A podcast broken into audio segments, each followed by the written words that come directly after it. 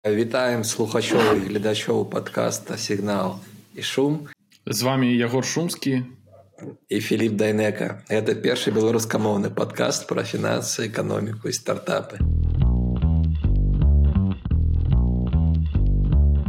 Добрый дзень усім. Што сёння будзем распавядаць ягор? Про што?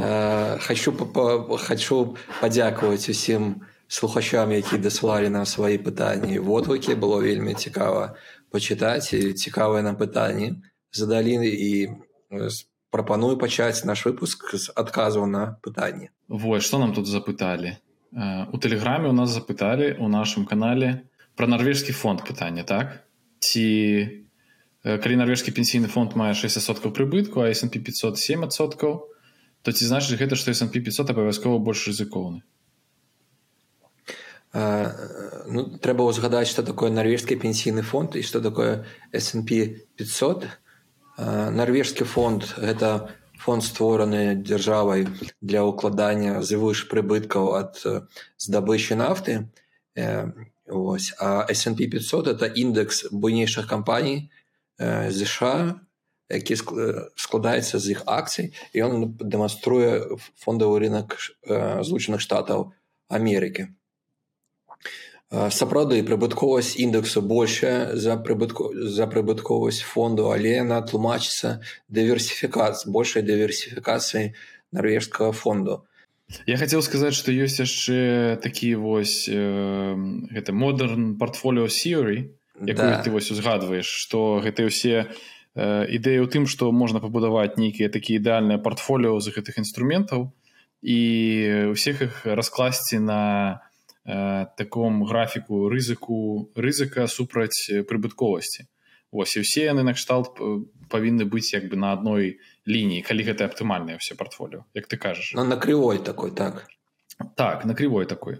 Вось але ну як бы тут же мы у рэчаіснасці жывем таму нічога ідэальнага не бывае.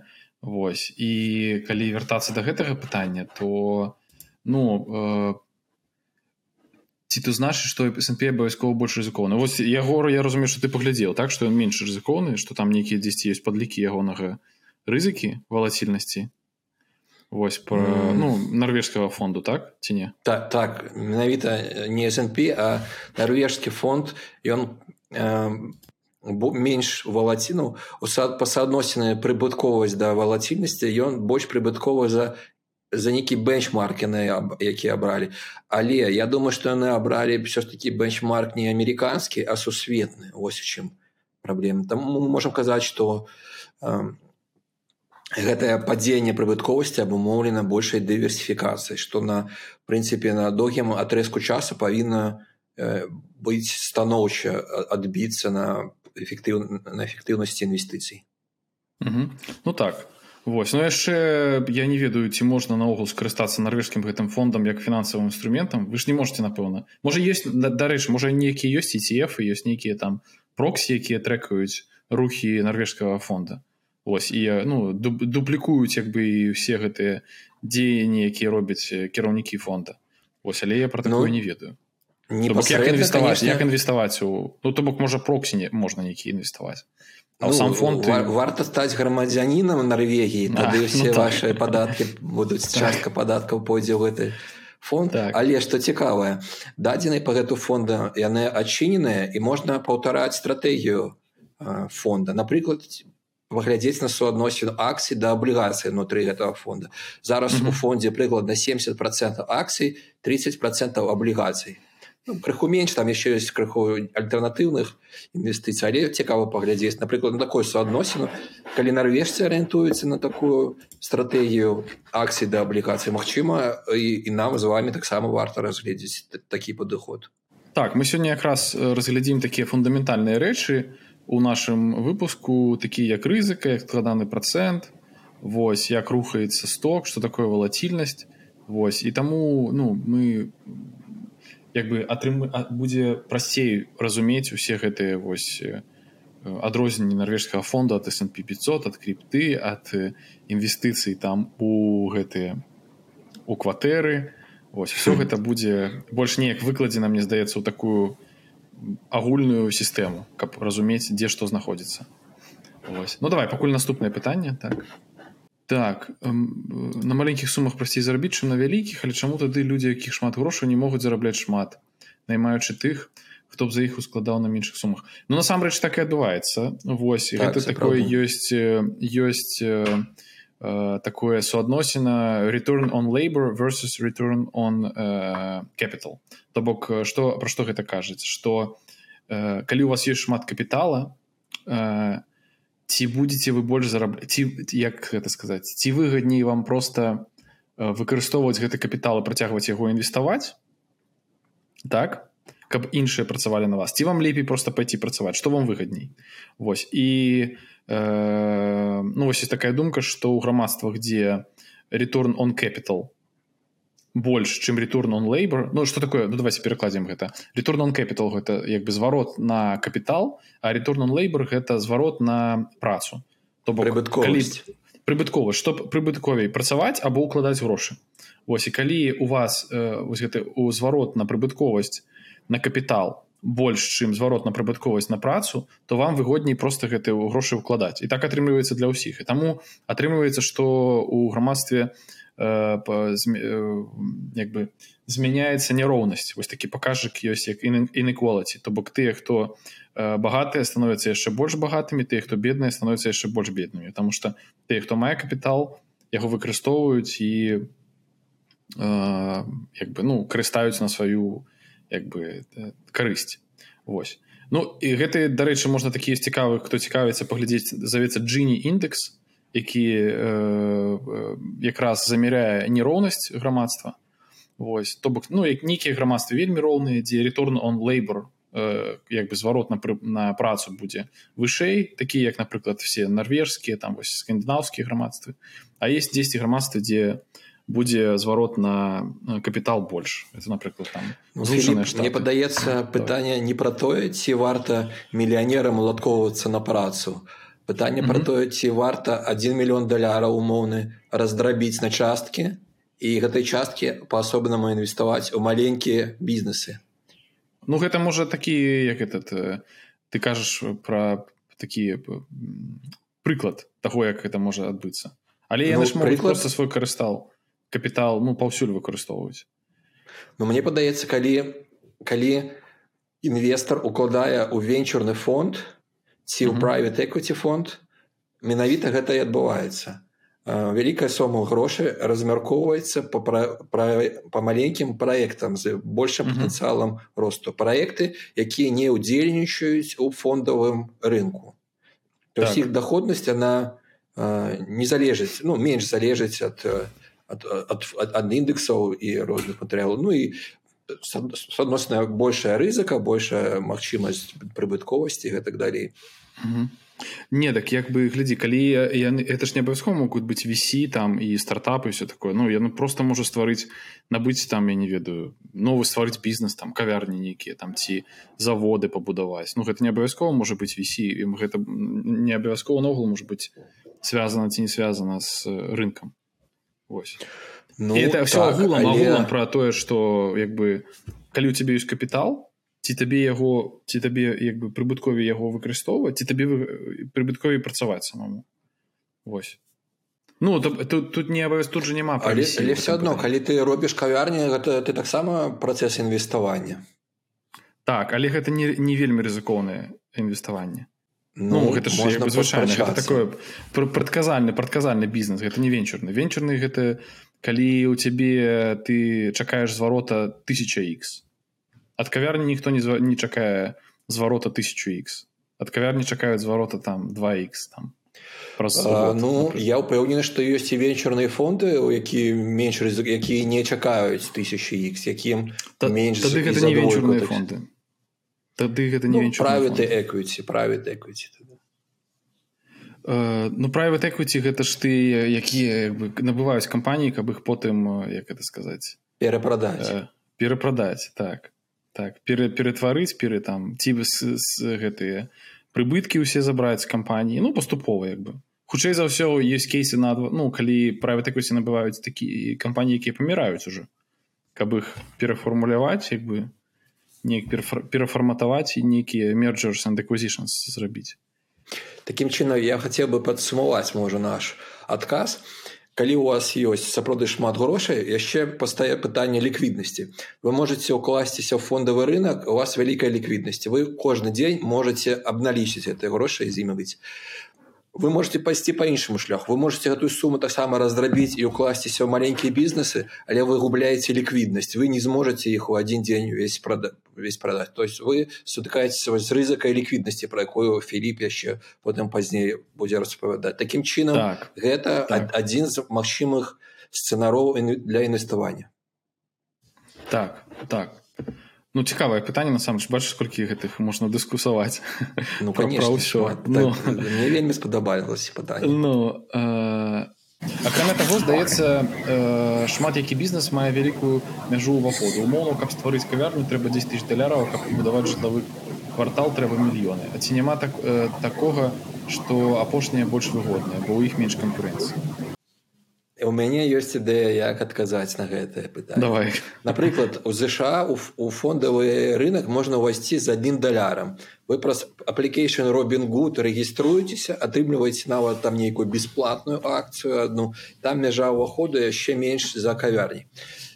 Такім чынам у нас на фондавым рынку ЗША прысутнічае мільёны гульцоў Такім чынам у нас на фондавым рынку ЗША шмат гульцоў, якія э, сваімі дзеяннямі э, змяняюць кошт акцыю залежнасці ад нейкіх навінаў ці падзею які адбываўся той ці іншай кампаніі калі у вас наадварот гульцоў менш і вялікі парог вось гэтага ўваходу напрыклад якось рынок застройщиков у нас менш удзельнікаў на гэтым рынку у нас празрыстасць гэта рынка меншая і эфектыўнасць ось такі ёсць параметр эфектыўнасць рынку это наколькі добра абсарбіруецца інфармацыя па ўсём гэтым рынку яна ў гэтым рынку выпадку менш э, абсарбіруецца дрэнна і з'яўляецца магчымасці для прыняцця таких э, больш прыбытковых рашэнняў але і менш прыбытковых рашэнняў вам складана прагназаваць у такім дадзеным выпадку ну, так это ты про арбітраж кажаш так про гэты неэканамічную неэканамічныя прыбыткі і не толькі не толькі ёсць у гісторыі шмат прыкладаў калі людзі зараблялі мільярды даляраў на неэфектыўнасці напрыклад Джим саймонс такі матэматык ён на рынку камодзіці ён заўважаў калі я не памыляюся ён заўважаў там неэфектыўнасці і скарыстоўваў іх у свайго сваю перавагу А тое што мы зараз вось у беларусі і былі нізкія заробкі і ўсё выросла айти гэта якраз такі прыклад гэтай неэфектыўнасці так? Ну что все як бы не? Ну, мне здаецца так ну гэта такі ведаеш трохі арбітраж які таму что мы нічого ну і як бы все зарабляюць на таму что просто тут заробкі менш чым у штатах. Ну. а ну так арбітраж працоўная сіла так так. Так ну О вось твоё пытанне ягор. З чаго можна якраз частка нашага сённяшняга выпуску. З чаго можна пачаць сваё фін навучанне якія інструменты даступны для беларусаў беларусі за мяжой на дадзены момант? Это дзе нам задалі гэтае пытанне? гэта нам мабыць на Ютубе задалі ці на Ютубе так на Ютубе. Так. Добра ну давай. Вельмі добрае пытанне і адказ на яго будзе залежць ад таго валодаеце вы замежнай мовай ці не валодаеце калі валодаеце замежнай мовай у вас крыху больш атрымліваецца інструментаў дзе і, і крыніц дзе можна атрымаць інфармацыю але калі не валодаеце зараз тэхналогіі дэшты для таго што вы можете перакладаць субцітры і таксама атрымліваць якасную інфармацыю але хочу, хочу заўважыць што рынок э, насычаны і перанасычанымі як кажуць інфацыганамі і людь і людзьмі якія будуць старацца імкнуцца неяк на вас зарабіць напрыклад на новостных сайтах вельмі шмат рэкламы брокерскіх паслугаў. Гэтыя брокеры зарабляюць кожны на камісіі. Чым больш вы будетеце таргаваць рабіць аперацыі па куплі і продажу акцый тым больш выгодна будуць зарабляць і працаваць гэтыя брокеры.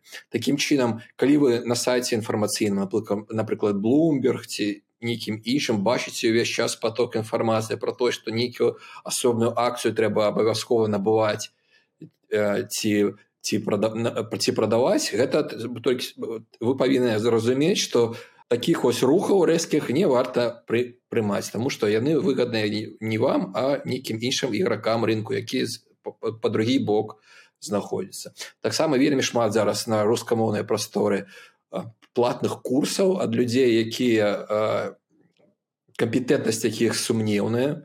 Ось я і я і філіп могу, могу сказаць што можна атрымаць добрую веды і прынцыпе і без курсаў але ёсць выключэнні.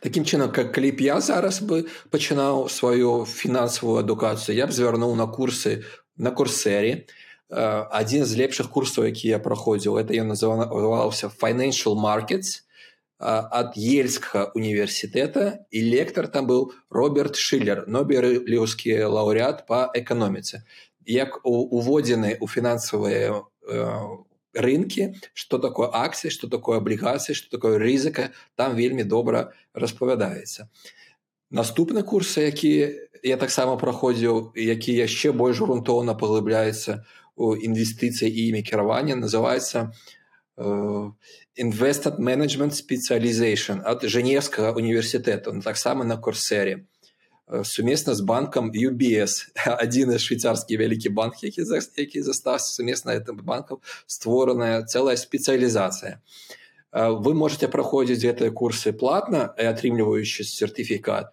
але можна абраць шлях аўдзіта. Тады вы не праходзіце пэўную частку там курса сертыфікат не атрымліваеце але большую частку ведаў застаецца з вами калі вы ангельскай мовай не валодаеце там можна переключіць на Мабыць я думаю упэўнена ма што там ёсць субцітры на расійскай мове.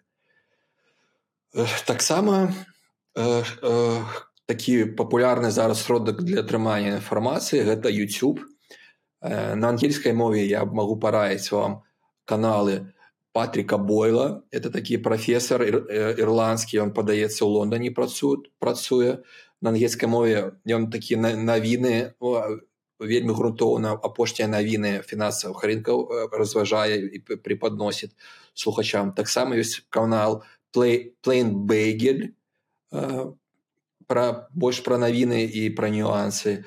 І вось мой любі улюблёны канал такі з сарказмом про фінансы это бенджамін я магчыма то недзе пакінем ссылки паглядзець там гэта такі канал які з юморам дасціпным абмяркоўвае апошнія фінансавыя навіны і тренды.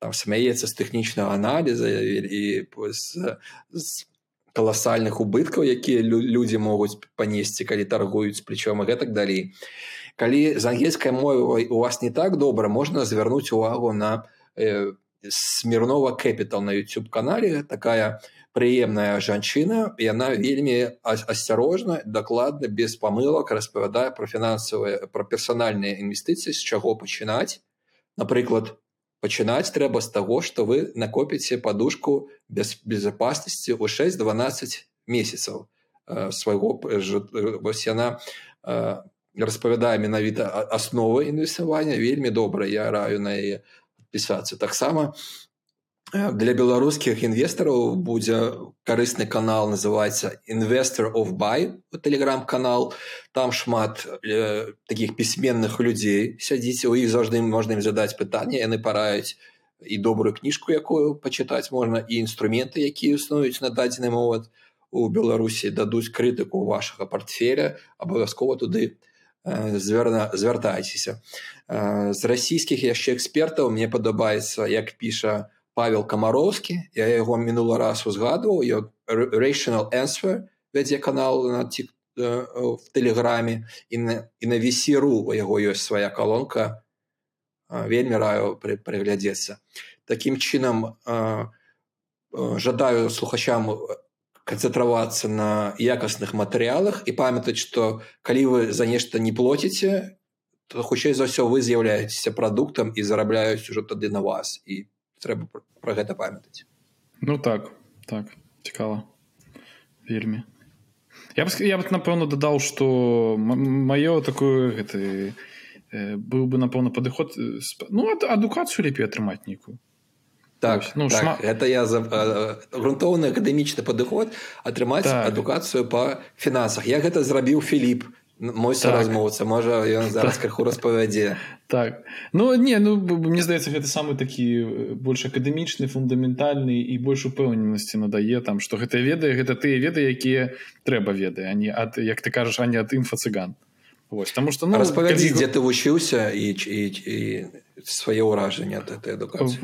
Вучыўся у вільні у універсітэце завецца асм універсітет на факультэце ну тут не факультэт як бы на спецыяльнасці financial economics. Ось ну то бок это фінансы эканоміка. Цікава было просто як бы был час заняться чымсьці па вечарох. Ось і заняў это была магістратура так? Магістратура была так так. Ангельская мове так так так так ось. Цікава по фінансах так. За, за час кавіда атрымалася что э, два семестра з трох удзе вучыўся потому что четвертый семестр пишется э, праца навуковая Вось то два два з трох семестраў яны былі онлайн. Таму было даволі такі лёгка яшчэ тады вучыцца з менску Ну давайте тады пачнем як бы з таких асноўных рэчаў як бы што нам трэба каб мець наогул разбірацца ну магчы разбірацца ў фінансах у вось мы тут выкарыстоўваем нейкія тэрміны там рызыка ліквіднасць там все гэта Э, незразумело ну, все нейкая карацей незразумелая штука. Давайте распачнем з першага. З вельмі простай такой рэчы ну як не проста вельмі важнай рэчы на якой будуюцца фінансы. Гэта рэч завецца складаны процент складаны адсотак. Так? Кампаудинг рейт па-ангельску па-ангельску кампаудинг рейт то бок што гэта значыць? Что у всем у школе вучыліся і праходзілі геаметрычную прагрэсію. Была гэта арифметычная прагрэсія была геаметрычная прагрэсія. Вось кампаундинг або складаны процент гэта геаметрычная прагрэсія. Закон того что ёсць вось гэты рост то бок роста уже атрымліваецца не лінейны а экспаненцыйны то бок ну ён расце сам заўсёды павялічваецца яшчэ і тэмп росту у нас атрымліваецца што мы можам ну вельмі вялікія лічбы атрымліваць там на працягу асоба асабліва доўгіх часоў. То бок давайте вось... того что проценты пачынаюць накоплівацца на папярэднія проценты так то бок вось калі мы кажам что э, мы мы казалі S&P 500 то бок але там ну рынок акцый расце там по 7 там 8соткаў на год. Так? Ну там 9 некая лічба что гэта значыць гэта не значит что напрыклад калі у нас э, значэнне рынка акцый было 100 10 гадоў таму то праз два гады яно будзе 112 яно не будзе 112 оно будзе 100 э, то бок ну, калі у нас рейд гэта 100 можа на яно будзе больш 100 умножыць атрымліваецца нужно на дадаць 6соткаў так? Это атрымліваецца 106 і яшчэ гэту 106 памножыць на зноў на 6соткаў Вось атрымліваецца у нас 112 і 36 то бок трошки больш на, набегае разумееце гэта за Вось. год? За два гады за, ну так за два гады гэта важно. Так то бок калі бы гэта была лінейная арифметычная прагрэсія то было бы просто 112 калі прагрэсія геаметрычная то атрымліваецца 112 кропка 36 Вось. І таму праз гэта ўсе фінансы як бы і працуюць. Вось так вось і нас запашваецца капітал так вось і як бы ствараюцца все інвестыцыі. То бок мы можемм паглядзець что давайте на прыкладзе разглядзім таким самым простенькім які напэўна ўсіх будзе цікавіць. Гэта калі мы э, ідзем у напрыклад мы плануем адкладаць по там 10 тысяч даляраў на год. Ну такая ну, для беларусі вялікія грошы. 10 тысяч даляраў на год Ну для так. я не ведаю для тых беларусаў напэўна якія з'ехалі можа гэта і не вельмі вялікі. Дробязь так, для... не ну не дробязь для тых хто ведаеш як бы. Ну а что ну якая сярэдні заробак там у айцішнікаў усялякіх хто з'ехаў? Ну ладно, гэта мы прыгожы складаны працэнт што там ужо э, нават не так важна гэтай сумы як важна вось гэты час які працікает так ну суму важна але час ён настолькі ж важна як і грошы якія вы туды ўкладаеце. Карцей давайте разглядзім э, некалькі сцэнароў Вось мы адкладаем по 10 тысяч даляраў на год. Ну для простоты праз 20 гадоў мы атрымліваем якую суму? Ну вот банальна гэта. 200 тысяч даляраў на нашым рахунку правильно просто калі мы адкладаем на наш рахунак мы атрымліваем 200 тысяч даляраў праз 20 гадоў. Вось э, далей цікава што у нас мы маем яшчэ інфляцыю то бок нашыя грошы калі яны просто ляжаць на рахунку яны з'ядаюцца інфляцыяй. То бок гэтыя сярэдняя інфляцыя у сярэднім там ну двасоткі на год. То бок насамрэч э, вы ну, можете сусветная можа не ў беларусі ну не ў беларусі так сусветная. А, ну, можа калі, калі адкладае Окей калі адкладаць у доларах інфляцыю мы таксама будзем тады па-іншаму лічыць конечно конечно конечно.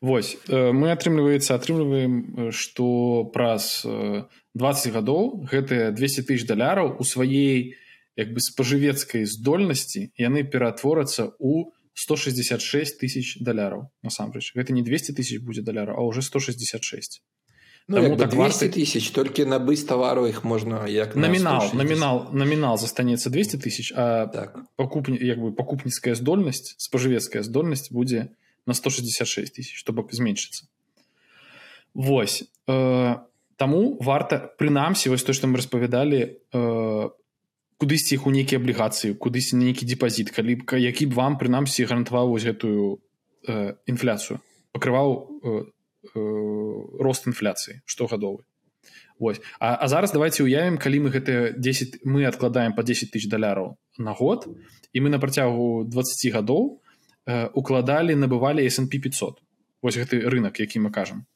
S&P 500 які ў сярэднім там расце по 9соткаў на год. Ну мы тут розныя лічбы ну карці ад 7 до 9 10 выкарыстоўвае. Зараз у мне просто вы можете сабе стварыць таксама таблічку нейкую і палічыць як это ўсё атрымаецца вось атрымліваецца што калі мы э, першы год мы адклалі 10 тысяч даляраў другі год мы адклалі яшчэ 10 тысяч даляраў і папярэднія 10 тысяч даляраў яны ператварыліся ўжо в 10 тысяч 900 даляраў за кошт таго што яны былі у э, рынку у S&P 500 так? Ну вось і атрымліваецца што такім чынам праз 20 гадоў за кошт таго што папярэдняя сума вось та якую вы ўжо назапашвалі яна заўсёды павялічваецца вы праз 20 гадоў маеце 511 тысяч даляраў на сваім рахунку. Так. ну, параўнанне з якой сумы калі без процента? 200 тысяч даляраў. Так. Ось такая розніца. Так, там важно пачынаць інвеставаць і чым раней тым лепш. Нават так. неважна якія сумы ёсць так так так пачатку так. трэба інвеставаць у адукацыю у знаёмствы і светапогляд а ўжо потым накапіць грошай які хапае каб пакрыць паўгады так. жыцця А што ўсё што зверху трэба ўжо укладаць у нейкія інструменты надзейныя якія не не дэфолтнуцца не абанкроціцца так зараз якраз так размаўляем про що такое дефолт? Як, да якой типу рызыку гэта належыць? Вось і ты яшчэ згадаў цікава что ты этот э, ты ж у першым нашым падка выпуску узгадваў рух гэты fire так дзе, fire, там, так. дзе юнакі там по 20 гадоў пачынаюць складаць там за 10 гадоў. Вось ну менавіта так. дзякуючы і існаванню гэта гэтага складанага процента. Все гэта і атрымліваецца Так і атрымліваецца ім трэба вымаць процент меншы чым адбываецца прырост іх багацця. Ось там і то што яны вымаюць у сярэднім па 4 процент гадавых са свайго. Так ці не, выма... не вымаюць са скарбонкі? А на што яны жывуць? Яны ж не працуюць. я не ведаю. Я суха я, я, ты, ты... яны жывуць а. на гэтыя вось проценты. Першапачатковая як у анекдоце на, на гэтыя три проценты і жыву А, ясна цікава цікава карацей вось зараз мы разглядзелі што такое складаны процент. То бок вось усе гэтыя все што вы бачыце усе гэтыя акцыі усе все лічыцца ў фінансах у адпаведнасці са складаным процентам. Як яго можна палічыць Філіп? У экселі ёсць спецыяльная формула да У Excel а, ёсць спецыяльныя формулы так ну у Google она называется. Ці можна просто забіць в гугле э, калькулятор сложного процента і пагуляцца з ім там можна так. самастойна нашы слухачы гледачы паглядзяць наколькі э, канчатковая сума наколькі она залежыць у першую чаргу ад гэта адсотка а не ад ты так. грошай якія вы туды ўкладаеце так так А можа яшчэ дадаць. Нават калі мы зробім вось мы я сказал 511 тысяч. Нават калі мы зробім папраўку на інфляцыю двасоткі то бок усё адно гэта будзе 400 тысяч даляраў 409 тысяч даляраў. З пакупну пакупніцкай здольнасці як бы. Ладно давай рухаемся тады далей. Зараз пра рызыку так? Что у нас ёсць ну калі мы набываем вось пыталі пытанне пра набыццё нерухомасці за мяжой. Так ці напрыклад набыццё акцый ці набыццё кватэры ці там набыццё крыпты і з інвеставаннем грошаў паўсюль э, будуць нейк нейкія тыпы рызыкі заўсёды звязаны то бок мы можам что трэба мець на ўвазе калі інвестуеш так? Что так. можа здарыцца з тваімі грашымі так. Вы павінны як бы разглядаць ну як бы у ідэале фінансавы аналітык ён разглядае гэта ўсё з э, розных бакоў што можа здарыцца з грашыма. Кожнай рызыкі ён там ну нейкую вагу э, можа э, пры, прымяняць. Калі ну гэта як это сказаць калі гэта квантатив калі гэта калі гэтую рызыку можна падлічыць таму што нейкія рызыкі нельга падлічыць. Вось давайте тады пералічым асноўныя рызыкі. Ну гэта маркет а рызыкі якія нельга падлічыць называюцца чорныя лебедзі так так ну гэта у кніжцы гэтага талеб. Так у яго дарэчы вось таксама вельмі цікавая кніжка але я слухаю першую ягоную кніжку якая завецца фулд by randomness Вось гэта ягона не вельмі папулярная кніжка якая першая такая для трохі. Там больш таких тэрмінаў выкарыстоўваецца матэматычных. Ось ну калі mm -hmm. кому цікава паслухаць ну самое популярное это black swan. Так так все давайте разглядаць карці мы набылі напрыклад акцыі э, нейкі прыклад набылі я замежны інвестор набыў акцыі Рэспублікі Беларусь. Не не акцыі аблігацыі Рэспублікі Беларусь. Што з імі можа здарыцца на прыкладзе будзем разглядаць з імі можа здарыцца маркет риск маркет риск гэта значыць что кошт на гэтай акцыі по тым ці іншым прычынам можа змяняцца гэта завецца рыск ну як бы маркет риск іх шмат існуе але можа быць там ну асноўны гэта валаціліці риск валацільнасць гэта значыць что сёння гэтай аблігацыі каштуюць напрыклад 91 а заўтра яны каштуюць 91 кропка 2 там Ну, кошт акцый ён адваротна прапарцыянальнасць да прыбытковасці. Калі інфляцыя краіне расце і з'яўляецца новы інструменты тады іх кошт падае. Аблі... ну аблігацыі ты імеш так аблігацыя так. нагадаць слухачам просто хочу. Так так. То бок ну сёння ну гэта каштоўная папера. Кошт каштоўнай паперы толькі э, косвенно залежыць ад face value ад яе прыбытковасці. Это ўсё косвенно. Першае чаго кошт э, каштоўнай паперы залежыць это ад ад попыту і э, прапановы. Калі, калі па... ліквідны рынок з э, беларускімі ну, мы, мы зараз глядаем, мы зараз ну, разглядаем так. як бы асобную рызыку рызыку mm. валацільнасці то бок калі у нас по нейкім прычынам я не ведаю вырашылі нарэдзіце стварыць трэд э, Э, хлопцы давайте хайпанём і все набудзем акцыі беларускі ой аблігацыі беларускай дзяржавы і по нейкім прычынам пашла гэты кошт пайшоў наверх. Но гэта ніяк не связано. ну, так. ну то бок у першую чаргу кошт на любы актыў ён связан з попытам і прапановай. Ну, так это все вось гэта ваша рызыка. І гэту рызыку у прынцыпе можна даволі добра просто замерыць. Мы потым да яе вернемся.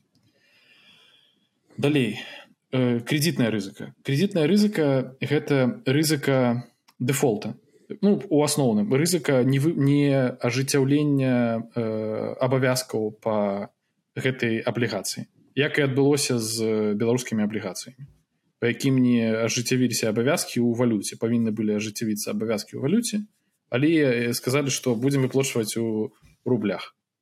Это значит что не выплацілі по ім ну все адмовіліся ад сваіх абавязкаў ну так Вось. Э, так далей што яшчэ э, ліквідзіце ріск э, рызыка ліквіднасці гэта значыць што можа просто не быць пакупніка ці не можа не быць як бы э, э, прадаўца вы хочаце набыць гэты інструмент а яго ніхто не прадае то бок гэта пазбавіцца ніхто не, не, няма так. Вось гэта можа быць якраз з я не ведаю. Вы на там стварылі класны напрыклад маеце там карціну нейкую а зараз эканамічная сітуацыя такая што ніхто карціны не набывае. Или там у вас нейкая вельмі эксклюзіўная эксклюзіўны ложак як у майго сябра. Ён не можа никому прадаць тому что ён вялікі і ну не можа никому ложак прадаць беларускі рынок акцый вось ён характарызуецца малой ліквіднасцю вы б хацелі набыць акцыі брест газаапарата напрыклад а не можете? Так потому что их сёння ніхто не прадае і заўтра ну іх рэдка нехта прадае так.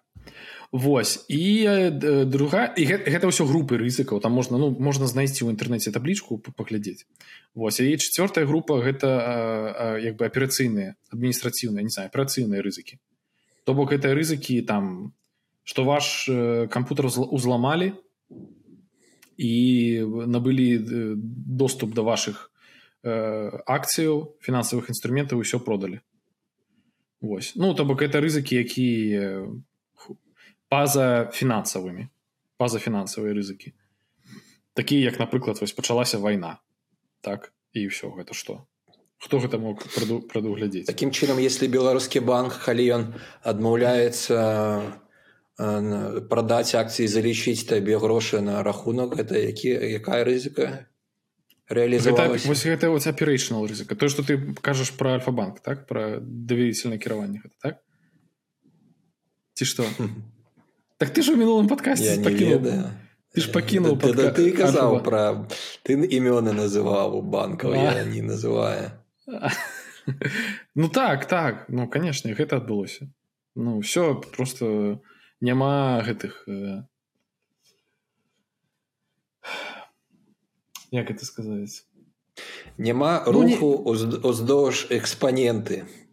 Наш так. гэтыя складаныя працэнты под пытаннем. Не працуюць не працуюць ніяк. І гэта ніяк не залежаць гэта не ну гэта такая хутчэй сістэмная рызыка такая это было пытанне яшчэ нам задавалі хлопцы все класна але распавядзіце пра свае інвестыцыйныя портфелі што з імі здарылася mm. яны нас mm -hmm. у нас зараз у замарожанай фазе складана падлічыць іх прыбытковасць так таму што яна не так. не реалізавана на дадзены момант так Ну бачыце вось гэта ўсё быў быў аперэйшнал рызыка звязаная з нашай краінай Вось там ну то бок э, таму таму усе ў штаты ідуць Таму што там аперэйшнал рызыкі няма Ну яна ў меншых памерах Ну лічыцца сапраўды што у кароткіх аблігацый ЗША рызыка нулевая прымаюць так.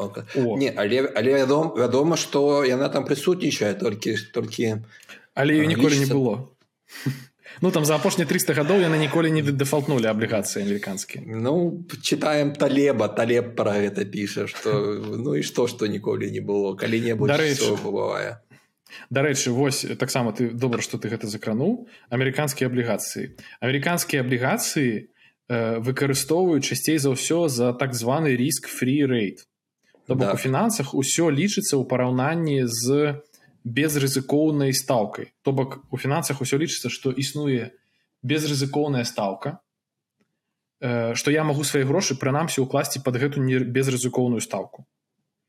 І вернуцца вернуцца яны мне там праз ну праз maturity праз пасколькі паспее гэтай аблігацыі Вось і часцей за ўсё гэты рэйд ріск фрі бярэцца ад амерыканскіх аблігацый Вось. То бок ну амерыканскія аблігацыі за апошні 300 гадоў ніколі не дэфалтнулі то бок заўсёды былі выплаты. Таму калі вы хочаце захаваць свае грошы вы набываеце амерыканскія аблігацыі. Яшчэ трэ ну вось варта распавесці пра э, як бы адкуль бяруцца ўсе гэтыя вось мы кажам прыбытковасць стока там ці прыбытковасць э, рынку вось адкуль гэтыя паказчыкі бяруцца. Гэта ўсё бярэцца з мінулага. То бок глядзяць на Э, кошт акцый напрыклад ці на кошт нейкага фінансавага інструмента у мінулым э, і, і будуюць ягоны ну графік напрыклад. Сёння ён вырас на сёння напрыклад значэнне S&P 500 100 заўтра 101 а паслязаўтра 98 после послезаўтра 103 так?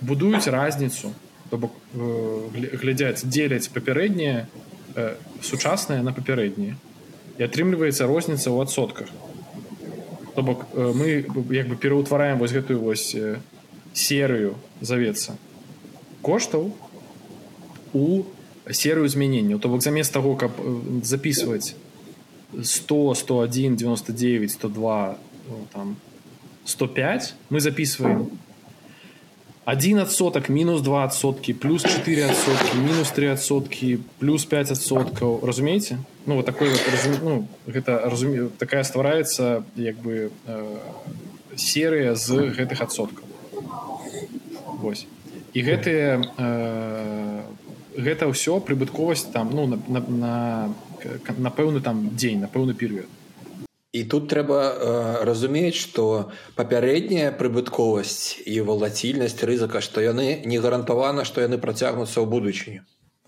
так. але але калі робяць падлікі эканамічныя зыходзяць все ж таки з такога предположения так так так. Менавіта так. То бок ну фінансы будуюцца на папярэдніх вось гэтых дадзеных.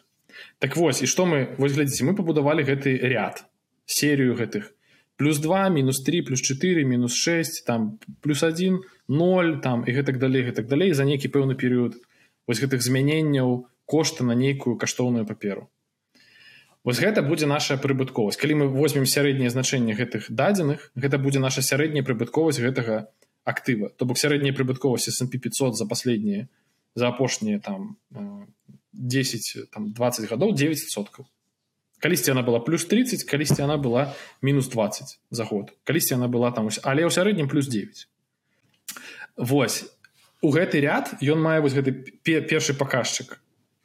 Сярэднюю прыбыткова а другі паказчык гэта сярэдняе адхіленне. То бок калі мы бярэм сярэднюю прыбытковасць і лічым вось по гэтаму серыі сярэдняе адхіленне.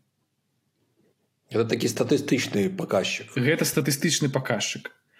Або дысперсія вось калі хто у вышэйшай вышэйшую матэматыку праходзіў завецца дысперсія. Ну яны сярэдні адхіленне дысперсія звяна звязаных это як бы просто корань і або другая ступень. Mm -hmm. Вось. Дык дысперсія гэта і завецца валацільнасцю стока валацільнасцю мера, мера рызыкі. Мера рызыкі. Дысперсія гэтага ряда у фінансах завецца э, мерай рызыкі вось гэтай акцыі Вось. І зараз тады э, атрымліваецца што мы можам зараз уже любы сток разглядзець як з кропкі з пункту гледжання ягонай прыбытковасці так і з пункту гледжання ягонай рызыкі. Чым больш яго дысперсія тым больш ён рызыкоўны. Вось як так. у фінансах вось як у фінансах э, э, разглядаецца рызыка. Гэта ну тое што завецца рызыка у фінансах. Вось. і рызыка атрымліваецца аблігацыі яна супер малая яна ну вельмі маленечкая рызыка S&P 500 яна не такая маленечкая але ну трошки ёсць. Ось а рызыка кожнага паасобнага стока ці рызыка крыпты она можа быць вельмі вельмі вялікай менавіта таму важна і дыверсіфікацыя портфеля напрыклад портфель калі склад які складаецца просто з акцый ці з просто аблігацый ён не такі эфектыўны як камбінацыя гэтых двух інструментаў напрыклад вось мы узгадывалі на, на пачатку перадачы пра нарвежскі фонд які 70 процентаў укладае у акцыі на 30 процентаў аблігацыі калі палічыць доходнасць гэта портфелю у суадносінах да рызыкі яна будзе ніжэйшая это такі ёсць паказчык называется коэфіцыент шарпа. Мы дзелім доходнасць розніцу доходнасці паміж рыст free рейд і тым што у нас рызыку доходнасць портфеля дзелім гэта на рызыку атрымліваем нейкі коэфіцыент ён показывае наколькі наши інвестыцыі яны прыбытковыя параўнанні да рызыкі якую мы на сябе бярем. Дык вось рыз, э, коэфіцыент камбінаваных портфеляў ён больше чым э, просто калі мы глядзім на акцыі ці ты, на ты маеш на увазе гэты коэфіцыент шарпа так? Коэфіцыент шарпа так. Так так так. Ну гэта вось то что ты кажаш інакш завецца риск just return. То бок э, а як по-беларуску э, гэта? як по-беларуску гэта э, прыбытковасць з папраўкай на рызыку. Так. то бок мы яшчэ можемм э, глядзіце усе гэтыя фінансавыя інструменты усе гэтыя актывы яны маюць не толькі паказчык прыбытковасці рызыкі але яшчэ ну вельмі важны паказчык прыбытковасці з папраўкай на рызыку. То бок і мы можемм казаць напрыклад ну вось я ў сваім даследаванні пісаў гэта э, рабіў что э, напрыклад э, с, ну я там сас кампаніі вывучаў карці вось у меня атрымліваецца што сас кампаніі по гэтаму паказчыку яны вышэй чым снп 500 то бок ну рызыка і прыбытковасць іх яна рызыка з папраўкай на прыбытковасць яна вышэй чым у рынка. А ў некаторых там у некаторых кампаній зайти сектара яна там менш я ў мінулым годзе падлічваў суадносіну доходнасці да рызыкі біткоіна мінулым годзе mm -hmm. і яна mm -hmm. таксама тры пераганяла рынок снп 500 вось то толькі за, за кошт гэтай такой Э, сумасшедшай доходнасці ну зараз я не ведаю можа зараз уже не ну, так. Ну гэты шар прэйцю лічыцца вельмі проста то просто трэба сярэднюю э, сярэднюю прыбытковасць падзяліць на вось гэтую сярэднюю рызыку на дысперсію ось і вось вам атрымліваецца так дзякую ім слухачам за праслухоўванне так дзякуй вялікі пакідайце калі ласка яшчэ больш пытанняў каментароў нам вельмі цікава вось будзем далей пожаданню э, так. А яшчэ важно что наш наш подкаст таксама гэта крыніца фінансавай інфармацыі яго яе трэба слухаць і ёй давяряць і ставіцца крытычна да ўсяго што вы чуеце читаеце да сустрэчы все дзякуй вялікі стаўце лайки подписывайтеся пакуль